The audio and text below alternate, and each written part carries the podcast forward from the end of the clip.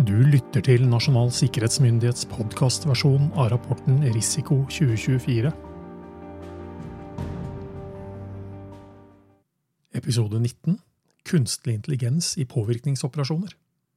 Selv om kunstig intelligens ikke er noe nytt, har det vært en eksplosiv utvikling innen generativ kunstig intelligens som ChatGPT og andre grunnmodeller det siste året. Grunnmodeller omfatter bl.a. store språkmodeller som eksempelvis ChatGPT baserer seg på men også modellene som brukes til å generere deepfake som lyd eller bilde. Kunstig intelligens har gitt trusselaktører nye muligheter til å påvirke nyhetsbildet og mening i verden over. Kunstig intelligens-genererte og naturtro video, bilder og lyd og tekst kan brukes til å påvirke, forvirre og destabilisere samfunn som en del av påvirkningsoperasjoner. Samtidig er slike påvirkningsoperasjoner vanskelig å oppdage og forhindre i et åpent demokrati som Norge, hvor det er ønskelig og positivt med meningsmangfold i det offentlige ordskiftet. Hensikten med påvirkningsoperasjoner er ikke nødvendigvis å spre et spesifikt budskap, men heller å bidra til mistillit til media, undergraving av demokratiske prosesser og polarisering av samfunnet. Forebyggende tiltak er blant de viktigste virkemidlene mot denne type påvirkningsoperasjoner. Blant annet er en kildekritisk og opplyst befolkning og redaktørstyrte medier viktig for den nasjonale motstandskraften mot påvirkningsoperasjoner. Bruk av troverdige kilder for å verifisere informasjon er viktig før informasjonen deles og spres videre via sosiale medier. Bruk av kunstig intelligens kan øke cyberaktørers kapasitet, slik at de kan ramme flere mål med færre ressurser. Svært sofistikerte spearfishingsoperasjoner kan f.eks. gjennomføres i større skala enn tidligere. Masseutsendelser av skadevare har hittil vært forbeholdt phishing-kampanjer som har vært relativt enkle å gjennomskue. Masseutsendelser av spearfishing-kampanjer kan derimot øke faren for at verdier knyttet til nasjonale sikkerhetsinteresser rammes. Informasjonsboks Årets ord Språkrådet kåret KI-generert til årets ord i 2023.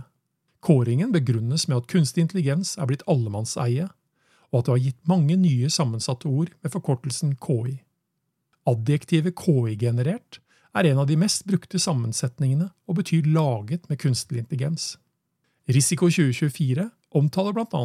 KI-teknologi, KI-modeller, KI-løsning og ikke minst KI-generert. Informasjonsboks Spamoflash-nettverk Tenketanken Australian Strategic Policy Institute avslørte i oktober 2023 et koordinert nettverk av ca. 2000 falske sosiale medieprofiler som publiserte falsk informasjon om den canadiske statsministeren Justin Trudeau og over 50 andre politikere i Canada. Over 15 000 innlegg ble publisert på X, tidligere Twitter, Facebook og YouTube.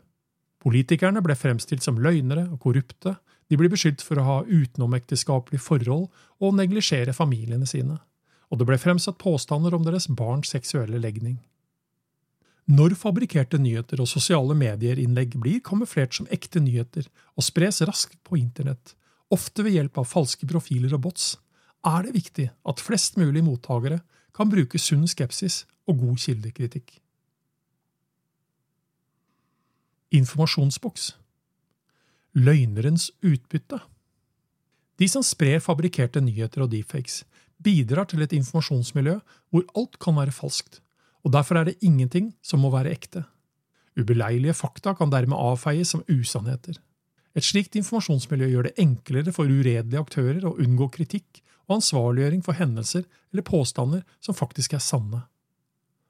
Dette kalles løgnerens utbytte.